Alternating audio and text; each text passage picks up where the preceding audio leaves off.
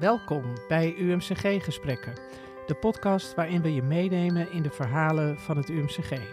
Patiënten, zorgverleners, onderzoekers en studenten vertellen je over hun ervaringen. Leuk dat je luistert.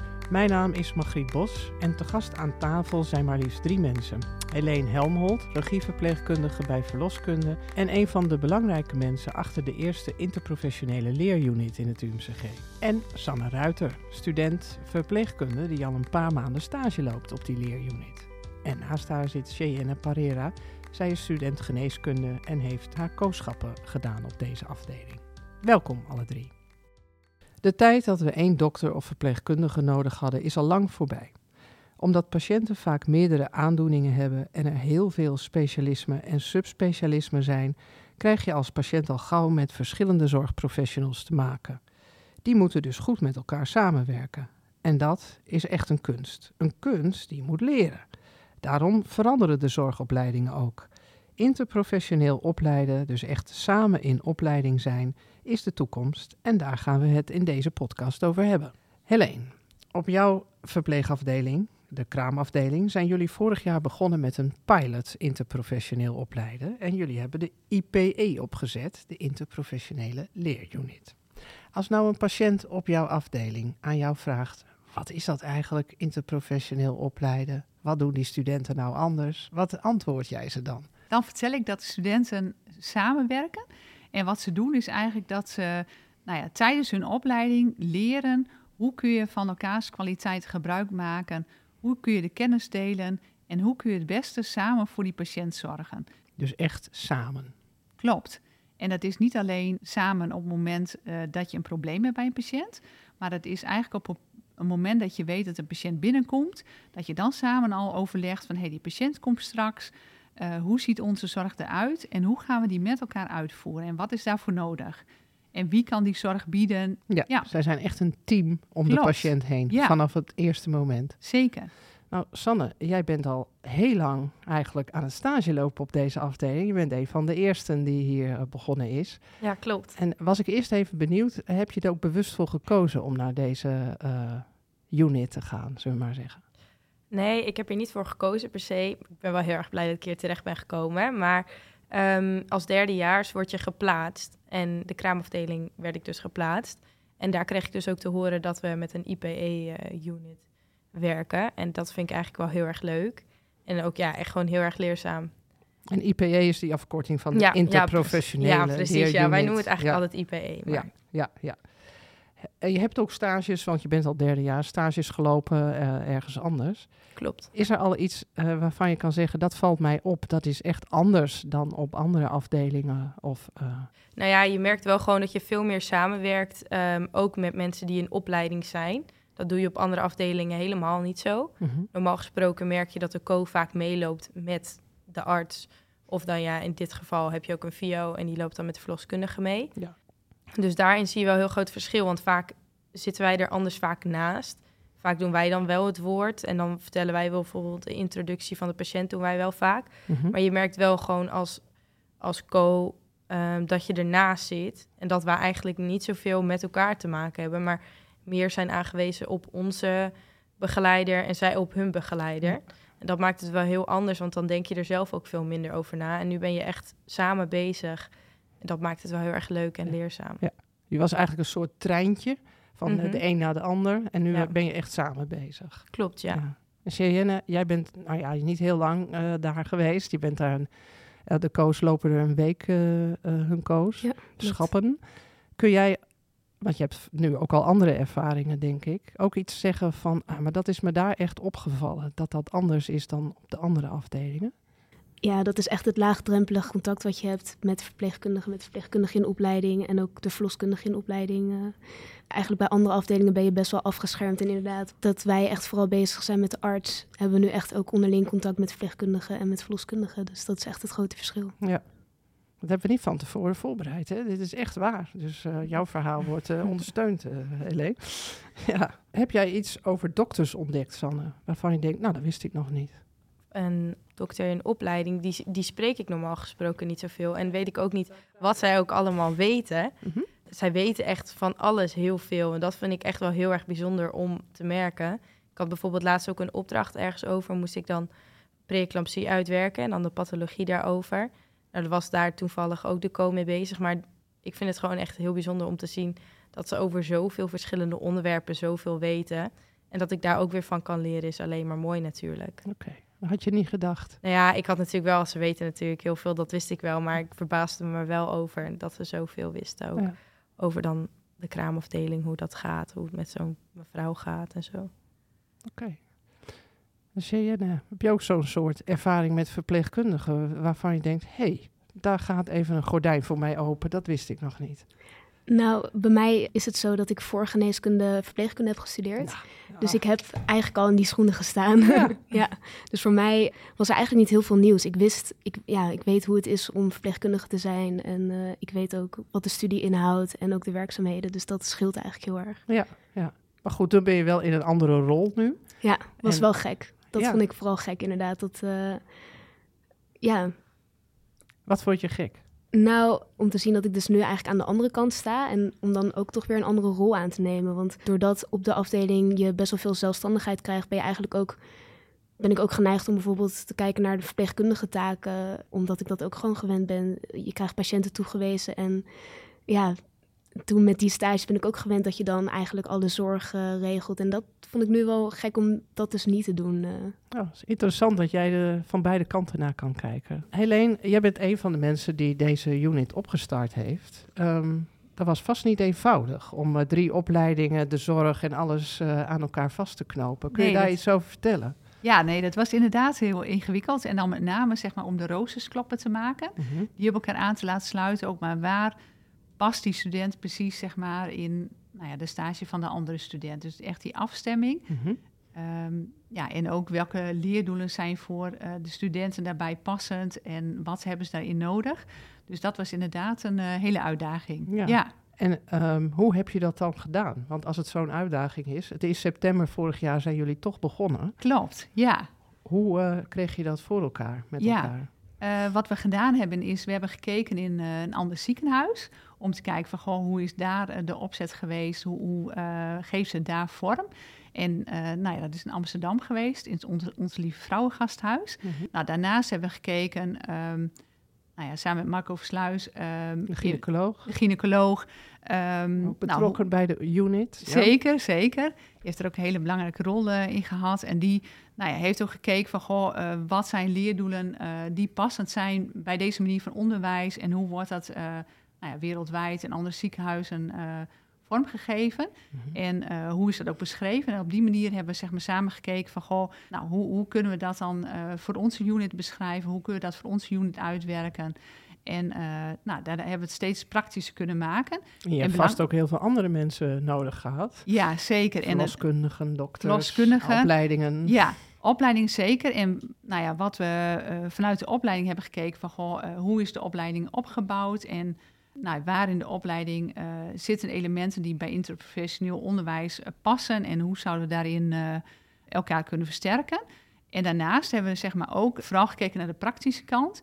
En daarvoor hebben we nou, regelmatig zeg maar, bijeenkomsten georganiseerd met het team en ook met het verloskundig team. Om steeds af te stemmen van, goh, nou, dit is voor ons de opzet. Hoe eh, zien jullie dat? Wat hebben jullie daarin nodig? Wat zouden we daarin kunnen verbeteren? Dus deze mensen meenemen. Steeds meenemen. dagelijks mee zouden Ja. werken. En hun ideeën ook eh, verzameld. Ja. En dan hebben we weer een nieuwe uitwerking gemaakt. En dan telkens eigenlijk weer een stapje terug. En dan gingen we weer vooruit. En dat is eigenlijk, nou, dat heeft gewoon heel goed gewerkt. En dat heeft er ook voor gezorgd dat het een eh, opzet is die echt van ons met elkaar is. Ja. ja. Dus van de, de, de dokters, de verpleegkundigen en de eh verloskundigen die al ja. dagelijks op die afdeling Ja, eh, zeker. werken. Ja, ja, En dan ook de opleidingen, zoals eh, de ROC's, de ja. ook- Hansen en we hebben nog meer de verloskundeacademie ja. uiteraard. En daarnaast patiënten, hebben we de Ah, patiëntenvereniging laten we ook die niet vergeten, Nee, want daar was het allemaal om begonnen. Ja. Ja. patiëntenvereniging benaderd en ook vanuit hun perspectief gekeken van goh, hoe zien jullie dat? Wat vinden jullie daarin belangrijk? En wat moeten we zeker niet vergeten? Dus eigenlijk vanuit elke nou, kant hebben gekeken wat erin eh, van belang was. Ja. ja. Ik ehm, ben ook wel eens op die afdeling geweest. En ik was heel verbaasd toen ik hoorde dat het ongebruikelijk is dat dokters lunchen met verpleegkundigen. Of andersom. En jij, jij vertelt net, je bent verpleegkundige geweest. En toch is dat, het, is echt waar hè, wat ik zeg. Dat Ja. is echt heel klopt. ongebruikelijk.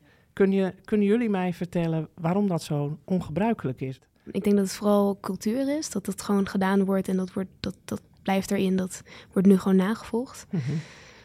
Er, ik- het valt mij ook op dat er onderling ook niet heel veel contact is tussen artsen en verpleegkundigen. Dus iedereen zit eigenlijk toch wel een beetje op zijn eigen eiland. Dus ik denk dat het daaruit voortkomt. Ja, en ik denk dat de dokters ook weer bij elkaar zitten en dan waarschijnlijk ook weer besprekingen of even over wat ze hebben meegemaakt vertellen. Ja. Je kunt natuurlijk niet alle dokters en alle verpleegkundigen, dus ik denk ook uit praktisch, praktisch ehm, ja, want onze kamer is ook niet zo groot. Als iedereen erbij zou gaan zitten, alle dokters, ver- verloskundigen, nou, vaak zit er wel eens een verloskundige bij, dat kan prima. Mhm. En de studenten ook wel eens, de co Mhm. en de VO ook wel. Maar ja, over het algemeen eh, zitten we toch apart. Doe je toch apart, Ja. ja. ja. Maar ja, daarom was dit soort opleiden ook begonnen natuurlijk. Om elkaar ook op een andere manier wat beter te leren kennen. Ja. Jullie zitten in de IPE, is ook echt een ruimte. Dan zitten jullie wel met elkaar te lunchen en te koffie drinken en elkaar tegen te komen, eh, toch? Nou, Oh. dat valt ook altijd nog wel Oh. tegen. Bij dat ons moet nog tenminste, ik groeien. weet niet eh, hoe het in jouw week was. Maar wij zitten ook nog best wel vaak gewoon met, met onze verpleegkundigen gewoon pauze te houden. Gaat Dus toch automatisch? Wat inderdaad wat automatisch is en wat je niet makkelijk doorbreekt dan. Nou, vaak, vaak vraag ik wel gewoon de, eh, de VO en de co erbij van komen jullie ook bij ons zitten? Ja. Dat dan wel, maar niet echt apart in de ruimte. Nee, dat doe ik eigenlijk bijna nooit. En kun je al, al zeggen van wat voor voordeel dat heeft als je ook met elkaar eh, luncht, koffie drinkt en ook andere dingen bespreekt dan ja, het beleid voor de patiënt? Nou ja, dan zie je ook de persoon achter de arts of de verpleegkundige. Mhm. Dat maakt denk ik ook het wel eh, dat je beter kunt samenwerken. Dat je ook weet waar iemand vandaan komt.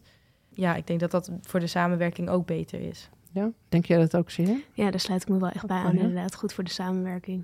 En wat, wat, ik ben al zo benieuwd wat dan maakt dat dat makkelijker maakt. Stel je nou voor dat ik weet dat jij eh volleybalt of zo. Ik bedoel, wat, wat kan dat dan de samenwerking verbeteren? Ik denk dat je dan eh, je meer op je gemak voelt bij elkaar en daardoor Mhm. bijvoorbeeld eerder vragen eh, durft te stellen aan elkaar of eh, aan te geven als je per ongeluk een fout hebt gemaakt, dat je dat dus ook eerder durft aan te geven. Want ik denk dat dat ook iets is wat mensen vaak moeilijk vinden om te doen. Ja. Dus je creëert toch een veiligere omgeving als je elkaar ook beter kent. Dat is eh, niet onbelangrijk, eh Helene. Hè? Zeker niet, nee. Ehm, is er eigenlijk nog een, een, een beetje hiërarchie dan ook tussen wat jij zegt van eh, je praat makkelijker met elkaar en je geeft ook eerder aan van oeh, geloof dat ik nou iets niet helemaal goed gedaan heb. Wat zou jij doen? Is, is er nog een hiërarchie tussen eh, de verpleegkundige moet even doen wat ik zeg? Ik zeg het even heel plat hoor. Als de dokter komt of ja, hoe zit dat eigenlijk? Nou, ik moet zeggen dat ik dat niet heel erg merk. Kijk, het is natuurlijk wel zo dat verloskundige vertelt van dit is het beleid. Maar wij hebben er wel gewoon inbreng in van nou, dit lijkt mij goed om te doen. En ik de- merk vooral ook dus in de interprofessionele IPE dus eh, dat dat nog erger is. Want soms weten VO het ook niet zo goed. En weten wij het vaak wel, omdat wij het ook natuurlijk meerdere keren zien. Ja, je zegt nog erger is, maar je bedoelt van dat het eigenlijk nog veel beter gaat. Ja, ja, erger. Ja, precies, zo Ja. bedoel ik het. Ja, Ja. ja. nee. ehm, dus ik denk niet in die zin een hiërarchie. Ja, de hiërarchie die nodig is, dat, dat zij het beleid maken zo. Maar nee, ja, dat gaat heel goed eigenlijk. Maar je hebt dus het gevoel in de IPE dat je duidelijk je eh, verpleegkundige inbreng kan hebben. Ja, zeker. En je zegt eh, dat is eigenlijk nog beter dan wat ik eerder heb meegemaakt op stages. Gaat het daar nog beter? Ja, ja. Ja. klopt, ja. Kun je daar een voorbeeld van geven? Nou ja, ehm, je ziet wel eens dat... We hebben ook wel eens vrouwen bijvoorbeeld met een laag HB. Vaak wordt er dan, nou, als je naar het eh, protocol kijkt... wordt er dan ingeschat van... moeten we iemand extra ijzer toedienen via infuus... of gaan we alleen met eh, tablet aan het werk? Het ligt er ook heel erg aan hoe de vrouw zich hierbij voelt. Want ene vrouw die valt ervan flauw en die kan niks. En de andere mevrouw die voelt zich heel goed... en die kan gewoon mobiliseren, dat gaat allemaal goed dan in zo'n situatie kan ik dan wel vertellen van ik heb de patiënt gezien en ik zie hier aan dat het wel heel goed gaat. Ik denk dat het met tabletten kan. En dan kun je daar zo over nadenken samen van is het dan ook echt nodig dat we die mevrouw hier nog langer houden voor aan een infuus? Is het echt nodig? Dus dan daarin kun je, kan je dan wel meer eh, ja, vertellen van wa- wat je er zelf over denkt. Ja. eigenlijk ook een soort vertegenwoordiger namens de patiënt, omdat jij die heel veel ziet en weet. Van, ja, eh, ja, wij zien de patiënt natuurlijk wel wat meer. Cheyenne, jij hebt ook eh, de opleiding als verpleegkundige gehad, eh, Ja. dus jij weet ook hoe dat gaat. En ondertussen ben je dus van rol veranderd, zei je net al. klopt. Kun je daar iets, iets van vertellen, hoe dat voor jou is gegaan in die unit? Nou, ik, ik moest dus wel wennen aan, aan die rol. Ja, dat je inderdaad nadenkt over een beleid. En dat je ja, soms ook dus een verpleegkundige een opdracht moet geven. Vond ik, ja, voelt toch wel een beetje gek. Dus daar moest ik wel aan wennen, ja. Ja, En, en hoe was dat dan? Want Sander zegt van nou, bij ons is dat eigenlijk, eh, gaat dat best lekker. Eh, ik zeg gewo- gewoon eh, wat ik meemaak en dan Ja. gaat de dokter daarop in. Heb je dat Ja. ook zo ervaren? ja, ja, ja, zeker inderdaad. Dat is dan bij de, bij de visite 's ochtends. Dan eh, eh, hebben de verpleegkundigen hebben dan de patiënt ook al gezien. En dan eh, gaan we ze eigenlijk de patiënten doorbespreken met elkaar. En daarin kunnen verpleegkundigen ook aangeven als er bijvoorbeeld een beleid moet ingesteld worden of, of iets. Dan kunnen ze dat ook aangeven en onderbouwen. En dat vond ik eigenlijk wel prettig. En dan kan ik op basis wat zij vertellen, kan ik weer vragen stellen. En dan kunnen we het zo een beetje samen tot een beleid komen eigenlijk. Zo, zo voelt het meer. In plaats Ja. van dat ik meer zeg van, oh, dit is mijn beleid, is het meer, dit is ons beleid. Helene, nou eh, is het eh, bijna een jaar dat je die eh, unit draait. Hebben jullie ook een format klaar liggen nu voor andere afdelingen die denken, nou, Ja, zeker. doe mij ook maar zo'n unit. Ja, zeker. We hebben een format gemaakt nou, waarin eh, beschreven is van eh, op welke manier zou je dat zeg maar eh, aan kunnen pakken. Mhm. Wat zijn aandachtspunten daarbij? Nou, wat zijn belangrijke punten om mee te nemen in de voorbereiding, in de uitvoering? En nou ja, da- daarbij hebben we zeg maar, zo duidelijk mogelijk een beschrijving gemaakt. En wat we daarnaast ook hebben gemaakt is een eh, scholingsplan. en dat is zeg maar voor de begeleiders op de unit. Dat zijn eigenlijk de supervisoren, eh, noemen we dat. En ehm, in ons geval is dat een eh, verpleegkundige en een verloskundige die dagelijks daar eh, op de unit staan en die dus de verschillende studenten begeleiden. Dus niet wat we eerder deden op een andere afdeling, dat de verpleegkundige de verpleegkundige studenten begeleiden en de verloskundige de verloskundige studenten en de arts. Maar die verpleegkundige die begeleidt ook de co en de VIO en andersom. En nou, daar is een eh, scholing voor opgezet. En die scholing is ook beschreven. Hè? Dus eh, op welke manier kun je dat doen? Waar kun je dan aan denken? Eh, hoe kun je dan die supervisoren klaarstomen om op die unit nou te kunnen begeleiden? Mhm. En nou ja, ik denk dat dat er heel duidelijk uitziet en dat dat ook kan helpen om een unit op een andere afdeling op te zetten, zodat Mhm. je het wiel niet opnieuw hoeft uit te vinden. Ja. En ehm, daarnaast zijn we ook natuurlijk heel erg bereid om uitleg te geven en om een keer mee te kijken en mee te denken over hoe kun je die unit dan vormgeven op een andere afdeling. Ja, jullie hebben nu de ervaring en Ja, eigenlijk uit alle verhalen die we hier horen gaat het ook heel erg over de mensen. Dus je Klopt. kunt iets mooi op, eh, op papier zetten en dat is ook nodig, maar het gaat uiteindelijk om de mensen die samen het moeten doen. ja Dus je hebt een plan en je kunt langskomen om eh, zeker, te, zeker. te vertellen en te luisteren. Graag dat is zelfs, Een, eh, ja. eh, eh, een, een handreiking Ja, bij deze. Dan heb ik nog één laatste vraag voor Sanne en Cheyenne. Als jullie nu je ogen dicht doen en je bedenkt van eh, over zeven jaar, nou dan ben jij zeker aan het werk als verpleegkundige. Jij misschien nog in opleiding voor een verder medisch specialisme. Maar met alles wat je nu weet en leert van interprofessioneel opleiden. Hoe ziet de zorg voor de patiënt, want daar gaat het uiteindelijk allemaal om, eruit over een jaar of zeven, denk je? Anders dan nu. Nou ja, ik denk dus dat het verschil, dus hiërarchie, heel anders gaat zijn. Doordat wij nu ook veel beter weten wat doet een arts nou eigenlijk en wat is mijn taak en hoe kunnen we het best overleggen en samenwerken. Ik denk dat het daardoor de zorg alleen maar beter wordt, omdat er beter wordt overlegd. Ja, ik denk dat het daardoor ja, de drempel ook wat lager is om naar elkaar toe te stappen. Dat je dan, ehm, dat, ja, ik denk dat dat heel belangrijk is dat dat nog minder wordt. Want ik heb wel het idee dat er nog steeds een verschil is tussen arts en verpleegkundige. En ik denk door te werken met de IPE dat dat verschil ehm, ja, heel anders wordt, ja, beter, beter wordt en dat het verschil steeds minder zal worden. En dat je dus daardoor ook beter samenwerkt en dus betere zorg kan leveren voor je patiënt. En eh Cheyenne, wat denk jij over zeven jaar? Ja, ik, eh, ik denk zeker dat, dat dat de zorg voor de patiënt eh, zal verbeteren. Inderdaad, wat Sanne zegt, de drempel tussen de arts en de verpleegkundige zal lager worden. Ik denk dat de communicatie daardoor beter wordt. En ook het samenwerken. En op basis daarvan kan je weer betere zorg geven aan de patiënt. nou ja, mijn wens is natuurlijk dat het eh, over zeven jaar op heel veel afdelingen geïmplementeerd is. En dat studenten gewoon, nou, dat iedere student de kans krijgt om een week of ja, liefst nog langer op een unit mee te draaien om die ervaring te krijgen. En uh, ja, dat is nu helaas nog niet zo, doordat het maar één afdeling is.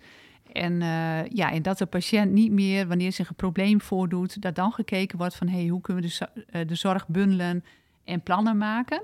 Maar vooraf met elkaar een plan bedenken en dan continu met elkaar uh, bijstellen en kijken van goh, zijn we nog op de goede route? Is dit de beste zorg voor de patiënt? Ja.